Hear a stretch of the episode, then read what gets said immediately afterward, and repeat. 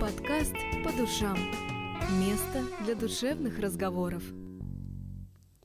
Всем привет! С вами подкаст «По душам». С вами, как всегда, ведущая Арина Арепьева и Нина Брянцева. И сегодня у нас в гостях психолог Никита Григорьев, с которым мы поговорим о том, что делать, если ваш ребенок закончил школу, но совершенно не знает, чего он хочет от жизни. А, то есть до какого возраста можно искать себя, и это будет вот считаться нормальным, есть ли вообще такое понятие, и вот как с этим быть. Привет, Никита. Привет, привет. Да, тема у нас сегодня интересная. На самом деле, это даже, мне кажется, с какой-то стороны моя боль, а, потому что у меня после универа, когда я забирала в целом документы, я забирала со слезами на глазах не от счастья, а от того, что я закончила. Мне было ощущение, что я потеряла три года своей жизни. Но, с другой стороны, потом я поняла, что это был клевый этап взросления. И сегодня мы об этом поговорим. А, давай сперва разберемся, как должен вести себя родитель в тот момент, когда ребенок не знает, что выбрать. Ну, то есть это уже даже не ребенок, это на самом деле уже взрослый человек, который на этапе вот сейчас надо принять такое решение, которое будет, ну, от которого зависит твой дальнейший расклад жизни. Ну и надо ли его принимать вот прямо сейчас? Например, человек заканчивает школу, нужно ли ему сразу бежать, сразу определяться, вот у тебя дедлайн, срочно, срочно, сейчас последний звонок звонит, ты бежишь сразу поступать. Или, в принципе, взять там год, два, три, это нормально, и подумать mm-hmm. над жизнью. Сразу много вопросов. Окей, что, что должен делать родитель? Начнем вот с чего, что на самом деле у нас, у людей, взросление происходит очень медленно, вот даже просто биологически. Mm-hmm. Же ребенок какой-нибудь, он родился, он уже ходить может травку щипать, он в какой-то степени уже самодостаточный, mm-hmm. вот, даже в плане банального выживания.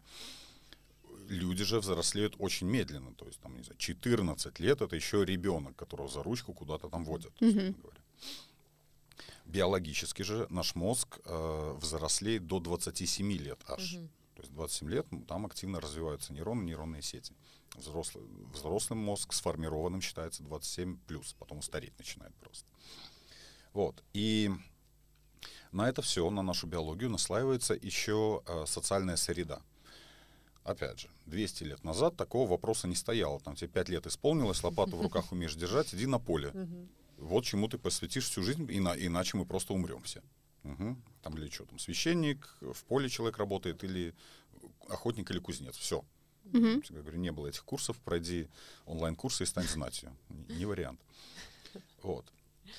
Сейчас же, во-первых, эм, да, детей держат в школе, и среда, родители содержат детей и так далее, там 18 плюс, некоторые там и в 30 с родителями живут. Эм, и вот это вот найти себя, определиться жизнью, ко мне люди в 40 и в 50 лет приходят, говорят, я не знаю, что делать со своей жизнью, ищу себя. Вот они вот так вот прошли, э, там 18 или сколько лет, пошли учиться, потому что был проходной балл, uh-huh. а мне ж надо учиться. Uh-huh. Тем более родители, uh-huh. предыдущее поколение, это, я не хочу ничего плохого сказать про там Советский Союз и так далее, мы же не про это говорим, но жизнь была более-менее э, распределена на этапы. Мне нужно uh-huh. хорошо учиться, тогда я попаду в университет, потом распределение, и вот вся моя жизнь будет на этой работе, там особо не поменяешь, там все государственное. Пенсия, смерть. Все. И поэтому уже школа — это та самая дорожка, которая влияет на всю мою оставшуюся жизнь. Mm-hmm. Так было. Родители, которые выросли в такой системе, у них, конечно, паника. Надо выбирать, ужас, оценки, экзамены, все вот это mm-hmm. вот. Не хочу сказать, что образование не важно, иногда создается такое впечатление. Я хочу сказать, что оно оно важно, это хорошо, важно учиться, всю жизнь приходится учиться. Но важно понять, что сейчас мир гораздо более сложный и одновременно гораздо более гибкий. Сейчас людям, то есть вот эта фраза, что это выбор на всю жизнь, это, на самом деле это не так.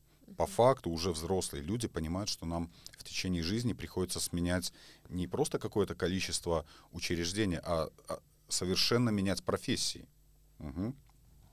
Я плохо учился в школе, у меня тройки, я уехал работать в Ирландию этим, грузчиком на мясокомбинате, mm-hmm. охранником в ночном клубе и на стройке я работал.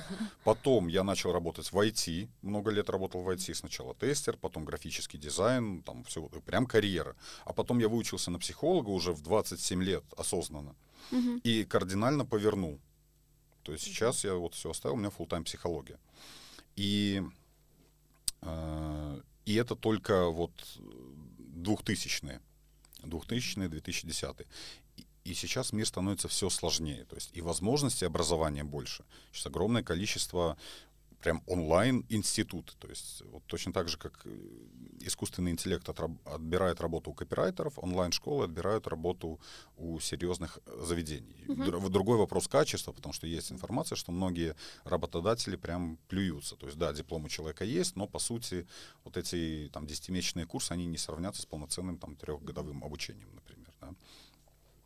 Вот. Но опять же, ни один университет не научит, ну, институт, университет, не научит человека тому, чему его научит практика. И когда человек приходит на работу, а, вот часто вижу такой э, карьерный путь, что человек приходит интерном. Он даже может просто интересоваться, он может прийти, его содержат родители, он даже доучивается где-то. Он приходит посидеть, помочь, поработать, потом его берут на какую-нибудь низкую работу, и он, по сути, его университет — это его рабочее место. Вот в IT-сфере да. такого очень много. Главное, чтобы был какой-то интерес и желание самостоятельно учиться. IT огромная сфера, востребованные специальности.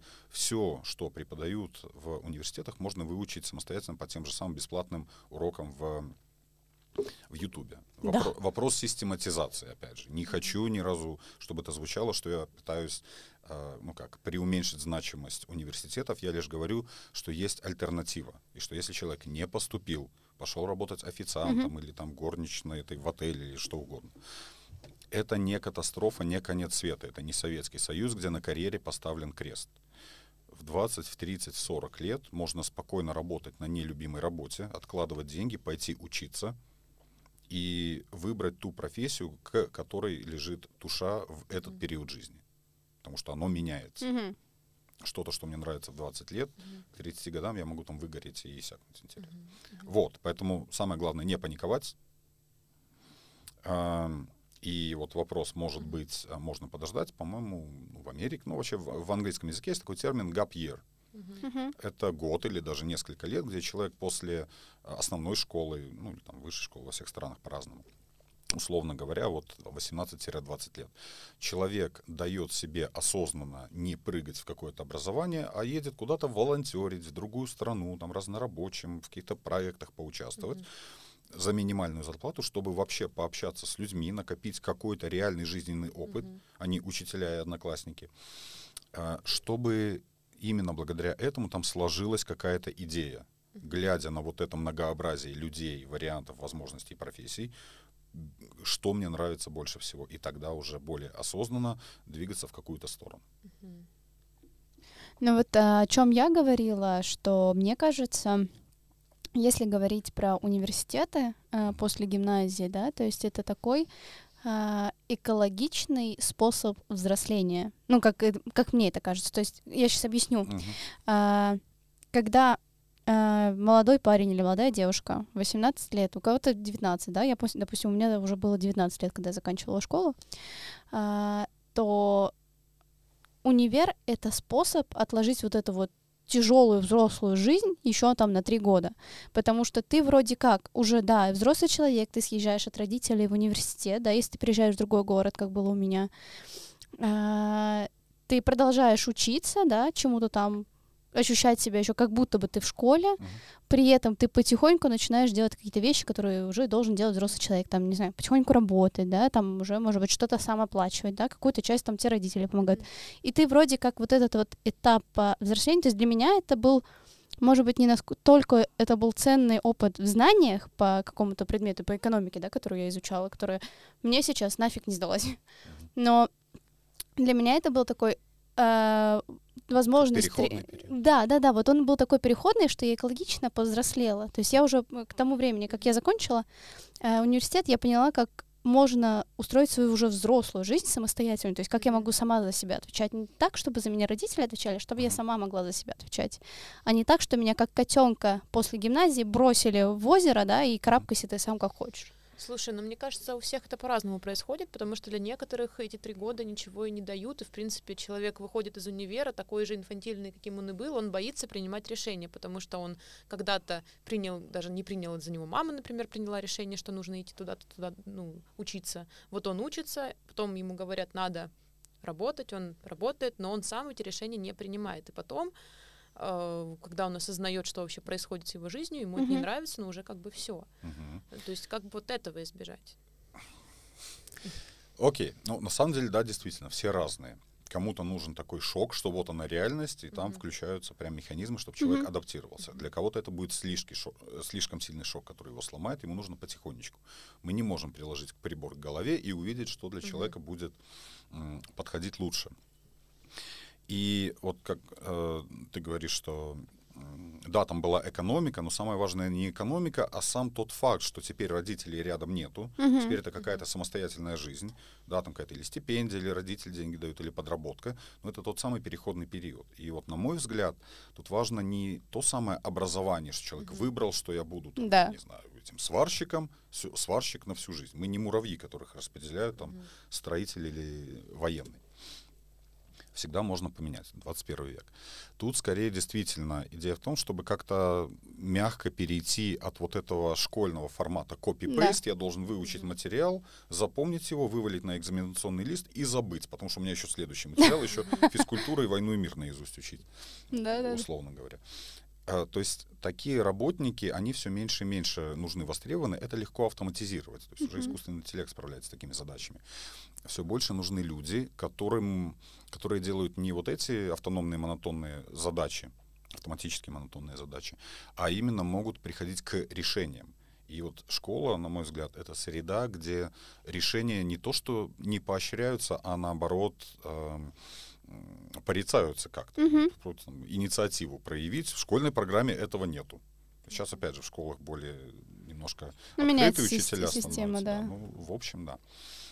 И на самом деле, чтобы это не стало проблемой, по-хорошему родители должны уже в подростковом возрасте давать детям какую-то небольшую самостоятельность, Мгм. ответственность, контролируемые небольшие пос- последствия. Мгм. Самый банальный простой пример, вот как все говорят, ребенок хотел там котика, обещал, что я буду за ним Мгм. убирать, в итоге мама за ним убирает.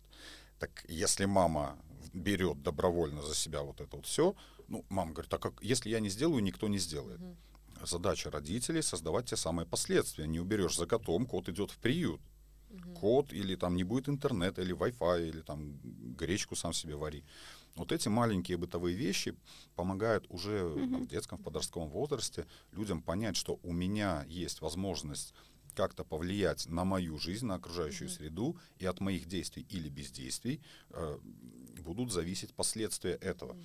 Это и есть зерно того, что, что с человеком происходит в будущей жизни. Потому что если всю жизнь это было просто вот за ручку в школу, вот домашнее задание, там до 9, не- после 9 домой, и все, а потом вдруг внезапно университет или взрослая жизнь, то для любого человека это шок. Мгм. Даже есть такой термин синдром отличника. Он как раз насчет того, что в школе быть отличником, в принципе, легко можно адаптироваться. Вот то, что я называю копи-пейст режим. Выучить, сдать, и все довольны. Вот Машенька молодец. А в жизни такая стратегия, ну, очень сложно найти место, где оно работает. Может быть, какое-то государственное учреждение, где мы от звонка до звонка и зарплату получили вне зависимости от результатов. Мгм. Но если мы говорим о том, что все-таки капитализм, бизнес, требуются лю- люди все больше, которые способны принимать самостоятельные решения, даже не на уровне руководителя, а на уровне сотрудника, отвечать за них. И это начинает формироваться не в университете, а даже не в школе, а именно в семье. Родители, инициаторы вот такого подхода. Ну вот у меня мама, допустим, делала так, а, и мне кажется, это просто ей низкий поклон за это, потому что даже в девятом классе у нее было, конечно, она хотела, чтобы я училась хорошо, но у нее, она всегда ставила себя в пример, говорит, Арина, типа, вот я не училась хорошо, я забивала на учебу, и вот я теперь нахожусь здесь, здесь. Мгм. Если ты не хочешь так, то надо учиться, типа, хорошо. То есть у нее был аргумент, как бы, и я училась Ну, хорошо, Это более такой, да, более честный аргумент Да. со стороны мам, потому что многие, они действительно прошли через это, но они все это на ребенка скидывают. Вот Мгм. ты плохой, там, неумека будешь, и ребенок уже демотивирован полностью. Да. И потом, после девятого класса, она мне сказала, хочешь, иди в тех. Хочешь, иди в гимназию. А если еще хочешь, то можешь поехать. Э, у нас есть э, школа в Ряпино э, по садоводству, что-то такое. У меня туда подруга поехала учиться. Говорит, хочешь, езжай с Катей. И она мне дала три выбора, такая, выбирай. Типа, вот куда пойдешь, туда пойдешь. Все, в твоих руках. Я такая, нет, я пойду в гимназию, я буду учиться дальше, хочу в универ. Мгм. Мама такая, окей, все, твое решение. Ну, здорово, когда не настаивают. потому что, да. Ну, то есть она мне дала такую свободу, я не почувствовала на себе напряжение того, что, блин, я должна идти в гимназию, я не хочу идти в гимназию, вот это вот. Да, то есть, да, речь не идет о том, что родители должны вообще снять с себя всю ответственность. Мгм. Конечно, у родителей больше опыта, они должны как-то подсказать, э, помочь, может быть, собрать информацию, там, объяснить, что да, там есть какое-то будущее, как оно работает, всю эту систему. И, ну, проблема, конечно, в сильных перекосах. Либо родитель такой, делай вообще, что хочешь, ну, вон 18 лет, там, вон из дома. Гуляй. Либо же на коротком поводке вот в инженеры и все, потому что там в третьем поколении инженера у человека может художественный Да, да, да, да. Мгм. Ну, тоже. Человек, даже там юридически 18 лет мы сами себе уже принадлежим, но бывает так, что люди, ну, не нашли работу и так далее, они финансово зависят от родителей. И часто родители это используют, сами не понимая того, чтобы манипулировать выбором детей. Мгм. И в итоге и дети страдают, потом ссорятся, и потом вот куча обид, а у психологов запись на две недели. Слушай, еще такой момент, что делать, если наоборот ребенку вообще безразлично, что дальше делать и что дальше будет. То есть ты у него спрашиваешь, как-то что-то, может быть, пытаешься с ним обсудить, и он говорит, да мне все равно, в принципе. Мне Ту- не, не Туда, интересно. вот так чисто Мне пальцем. не ткнул. интересно, что Вот. дальше будет. Я вообще тут. Отличный вопрос. Мгм. Опять же, это такая вот глобальная сфера, но в двух словах. По сути, Мгм. частично мы на это отвечали. Если мне, а, если меня это не волнует, Мгм. значит у меня все хорошо. Значит, у меня нету дефицитов, нету потребностей. Значит, все мои потребности закрыли родители. Мгм. И, скорее всего, если у человека не включается вот это мышление о будущем, это часто результат того, что всю жизнь родители удовлетворяли все потребности и не создавали этих искусственных э, кризисов, каких-то препятствий. Мгм. Чуть что, а зачем мне беспокоиться, если всю мою жизнь я видел, что мама это делает? Тоже приведу пример. Вот я до 19 лет жил с родителями, Мгм. и мама за меня мыла посуду. У нас даже разговора такого не было, что я посуду должен помыть. И у меня не было такой конструкции в голове. Счастливый человек. Да, вообще кайф. Я встал, ушел, оставил все это на столе, возвращаюсь, а там новое, это, ужин стоит уже Да, вечером. да, да. Класс. Откуда это берется, меня даже не волнует, не, не надо. Мгм. И вот 19 лет, когда я уехал в Ирландию, а там абсолютно другие, кто-то из Казахстана, какой-то мужик, бывший этот зэк, там какой-то из Украины алкоголик, из Беларуси, из Литвы, то есть какие-то мужики, и я 19-летний пацан. Общий дом, общая кухня. У меня не включилось, откуда оно из космоса прилетит, что я Мгм. посуду должен мыть. Через три дня моя посуда оказалась в мусорке. И мне еще повезло, потому что следующий парень, который так себя вел, он начал выпендриваться, ему там люлей навешали. Вот, так что и я не хочу, вот, чтобы ты говорил, вот мама плохая и так далее. Невозможно быть идеальным родителем. Мы не знаем, там, как правильно, у всех свои нюансы. Но сама общая идея, что в разных сферах жизни, в учебе, в ответственности, там, за котиком убрать, собачкой погулять, посуду помыть и так далее, действие или бездействие должно неизме- неизбежно приводить к последствиям со стороны родителей. Потому что если родители не организуют искусственный контролируемый кризис, жизнь начнет организовывать неконтролируемый кризис, будь, будь то работа, учеба, там, отношения и так далее. Вот. Так что если человека ничего не волнует, это значит, что у него все хорошо. Мгм. И, скорее всего, это означает, что, окей, вот ну, мой любимый пример, женщина звонит, у меня сыночек, его ничего не волнует, не учится, сидит за Мгм. компьютером, все вот это вот. Говорю, ну так у него же все хорошо, что приходите ну, сами. Нет, у меня все в порядке, у него проблемы. И начинается, я его приведу, выбегу из кабинета, вы его хватаете, делаете терапию, вот, вот у него проблемы. Говорю, хорошо, сколько лет ребенку? 35 лет ребеночку. А, 35 лет, у него все хорошо. Ему никуда не надо. Мама уже пенсионерка. э, покуп- ну, на ее пенсию пиво покупает и в танчики играет. Все, зачем ему куда-то? Ему обеспечили удовлетворение всех потребностей. Проблема начнется, когда мамы не станет. Ну, ничего, квартиру можно продать. М? Ну да. Ну вот, то есть а, это кажется такие безобидные вещи, но своей любовью и гиперопекой мы, к, сожалению, делаем из детей в буквальном смысле ментальных инвалидов, которые, у которых не включается понимание последствий. Именно один еще. То самое будущее, которое на меня катится, и я понимаю, что я там буду один, это и есть наша мотивация что-то сделать. Мгм. Оно это, это понимание придет, когда мы уже сталкивались с такими ситуациями. Я могу с какой-то ситуацией столкнуться один на один. Это является моторчиком этой мотивации. На маленьких примерах. И мне кажется в целом, что э, таким людям ты говори, не говори, да, допустим, будучи в отношениях, да, тебе, если партнер скажет, ты, типа, что делаешь? Что ты ничего не делаешь, да, как бы, Мгм. почему ты сидишь в свои танчики, играешь, Мгм. и пиво пьешь, почему ты не работаешь, да? И ему говори, не говори, он не поймет, потому что не было никаких последствий до. Абсолютно. И жена все еще с ним. Да, да, да. Зачем? Это как, ну, тоже привожу всегда пример. Если я хожу на работу, мне платят зарплату, и вдруг я забил и не вышел.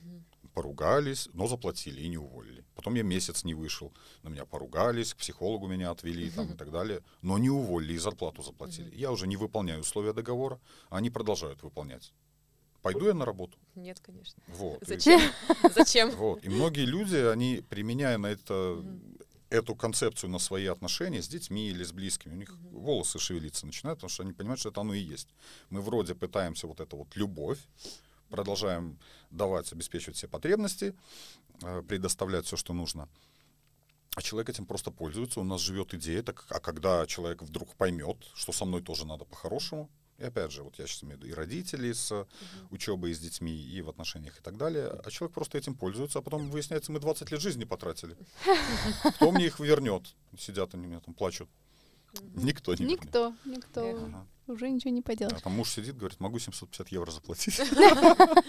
Все, что есть. Да. Ну хорошо, а, мы разобрались с тем, кто как вот как быть, когда ребенок. То есть мы разобрали, что надо сделать для того, чтобы не произошло таких ситуаций, да? С уже подросткового возраста Да. давать ответственность и маленькие последствия.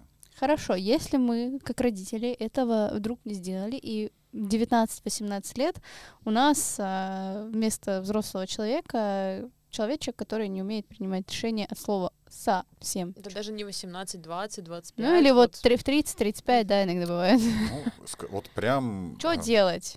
главное успеть до 27. Ну, чем А, раньше, тем точно. лучше. То есть вот что такое вот эта фраза «уметь принимать решения»? Это то же самое, как уметь водить машину. Человек уме- не умеет водить машину, он пошел в автошколу и вдруг сел и поехал. Что за магия? Пока он ходил в автошколу, у него в голове под капотом выросли нейронные сети под задачу, которая называется «водить машину». Мгм. Выучить новый язык. У нас в голове вырастают нейронные сети, которые на ходу раскодируют и переводят эти слова. И точно так же принимать решения, понимать последствия, видеть будущее — это определенные нейронные сети, которые у нас могут сформироваться, могут не сформироваться. У взрослого человека 87 миллиардов нейронов, у новорожденного в два раза больше. Взросление мозга — это постоянная потеря нейронов. И вот если, например, есть такие случаи некрасивые, называются дети Маугли. Дети, которые живут в семьях алкоголиков, наркоманов и так далее. Э, описан один случай такой в Америке. В 12 лет обнаружили девочку, которая никогда в жизни ее папа запер в подвале. Все, что она видела, это маленькая щелочка, и туда просовывается еда. И все. Ой, ты боже. Ужас, да. Но 21 век, она как бы выжила, государство взяло ее на попечение, этого мужчину в специализированную больницу на принудительное лечение. И, конечно же, ее мозг представляет для себя огромный интерес для ученых. Специально никто не будет такой эксперимент делать, неэтично. А тут уже так случилось. И вот один из выводов, вот самый такой показательный, что эту девочку уже никто никогда не научит говорить. Как, сколько бы с ней не занимались. Те нейроны у нас в левой височной доле, которые отвечают ам, за речь, если они не задействованы к 5-6 годам и не превратились в нейронные сети, они просто умирают. Потому что взросление мозга — это умирание незадействованных нейронов. Окей. И так со всеми другими скиллами. Вот почему тоже говорят, очень вот опасно этот э, телефон для маленьких детей. Потому что у маленьких детей должны вырасти нейронные связи насчет осязаемого мира. Почему вот эти колотушки, колокольчики, это вибрация инструментов, это связывание всего этого в какое-то Мгм. более полноценное понимание мира. А вот эти яркие пятна, что там, синий трактор, вот, это, как говорится, одна извилина, это от фуражки. Вот. И если мы не обогатили мозг, эту нейронную сеть ребенка в первые годы жизни, то потом там просто не будет ресурса биологического, что оно превратилось в какие-то более, сло- в более сложный мозг, который может решать более сложные задачи. И вот точно так же способность принимать решения — это определенные нейронные связи в нашей голове, которые формируются чем раньше, тем лучше. Я не говорю, что ребенка надо в 5 лет на мороз выставлять. Маленькие, микрозадачи. Не, не убрал за собой фантик, не получил конфетку. Да, он будет плакать, но это мозг сопротивляется. В тот момент, когда мы плачем, у нас формируются нейронные сети. Это как пойти в спортзал и вспотеть. Мгм. В спортзал не ходить теперь. Вот, то есть дети будут плакать, и вот там включаются материнские всякие инстинкты, там быть хорошим папой, и, и- в итоге люди проигрывают эту войну с, с эволюцией, с биологией. Вот. и да, вот этот процесс длится с рождения до 27 лет. Нейроны умирают, те, но активно, если мы чем-то занимаемся, они активно превращаются в нейронные сети, которые остаются с нами на всю жизнь. То есть никогда не поздно начать сталкивать э, человека с последствиями. Вот э, с посудой. В 19 лет, когда мне было это случилось, я сейчас нормально мою посуду, мне даже нравится, медитация такая. Специально в посудомойку не убираю. Вот. И, окей, 27 лет, тоже не приговор, даже после 27 лет у нас есть способность формировать новые нейронные связи, просто ну, гораздо медленнее. Чем старше мы становимся, тем более ригидным становится наше сознание. Вот. Но даже, вот тоже всегда говорю, самый возрастной пациент, дедушка 93 года, у которого обнаружили нейрогенез. Ну, то есть мозг формирует новые нейроны. Там часть мозга уже разрушается от деменции, но еще борется биология. Всю жизнь мы есть возможность учиться биологическая. И мир такой, что сейчас огромное количество информации, много мусора и трэша, и вот этих развлечений, котиков и дешевого дофамина. Но именно столкнувшись с кризисами, с каким-то дефицитом, что вот, э, ну, там, не дай бог, родителей не стало, или переехал в другой город, в другую страну, там, появилась девушка, необходимость цветы покупать. Это и является кризисами, которые заставляют человека, ор- организм наш выделять адреналин. И адреналин — это не просто гормон стресса, это и есть наше топливо, которое заставляет нас делать какие-то дела. Если адреналина, тревоги нету, зачем мне вообще что-то делать? Вот. И многие люди, они вот ходят с тревогой, опять же, немножко ответвление в другую сторону. Но идея как раз-таки в том, про учебу мы говорим, про, вот вы- очень много выпускников с тревогой. Да. Экзамены, там чуть ли не панические атаки, Да. выгорание, ужас. Вот прям сейчас Да. очереди стоят. А, идея в том, чтобы эту тревогу научиться использовать как ам, не мусор в голове, а тот самый мотиватор. То есть вот э, вопрос, как я все это выучу? На этот вопрос можно сесть и ответить. Можно взять календарь, можно написать список того, что мне нужно выучить, и ну, на, на бумажках этих постит, которые клеятся, Мгм. и просто визуально на столе разложить, в какой, ну, распределить это количество материалов по дням. И тогда выяснится, что в каждом дне у меня есть адекватное количество часов, которые я могу поучить, а потом погулять. То есть это очень простая, можно сказать, инженерная задача, с которой справится ну, пятиклассник, условно говоря. Э, То есть, по сути, это механизмы управления своим мозгом. Когда мы не используем какие-то простейшие инструменты планирования насчет учебы, насчет планирования своей жизни и так далее, там огромное количество тревоги, этой биологической энергии, чтобы она дана нам, чтобы мы с этим что-то сделали, но мы не удосужились проложить этот маршрут, куда ее, эту энергию использовать. В итоге она превращается во всякую Санта-Барбару, поиски виноватых, там, я не знаю, алкоголь и все вот это вот. Не весело. Нет, ну весело, что с этим, оказывается, можно что-то сделать, что это не приговор, это не, не болезнь, тревожность. Да, она может дойти там до и уже и физиологических каких-то вещей. Но изначально это нормальный здоровый механизм. Тревога нам нужна, чтобы мы что-то делали. Если я ничего не хочу, значит, у меня все в порядке. Если у меня все в порядке, мне незачем что-то делать, не учиться, ни на работу ходить. Если я понимаю, что никто за меня счета не оплатит, никто за меня посуду не помоет, а если я буду в танчики играть, от меня там и жена уйдет, вот тут-то начинается та самая деятельность. Идея в том, чтобы вот ее уже куда-то уложить. Интересно получается. Но в итоге, да, главное запомнить, что все можно исправить.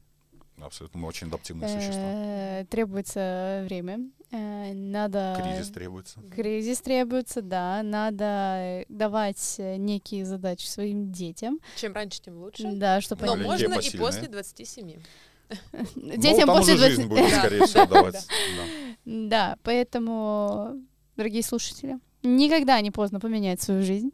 Э, Как говорят психологи, это все возможно. Биология даже говорит. Даже биология говорит, ну как бы тут уже все. Нет вариантов. Вариантов нет, менять можно. Ну, а с вами был подкаст «По душам». Как всегда, в нашей студии Арина Репьева и Нина Брянцева, и наш гость Никита Григорьев. Всем пока. Всем пока! Всем пока. Подкаст по душам. Место для душевных разговоров.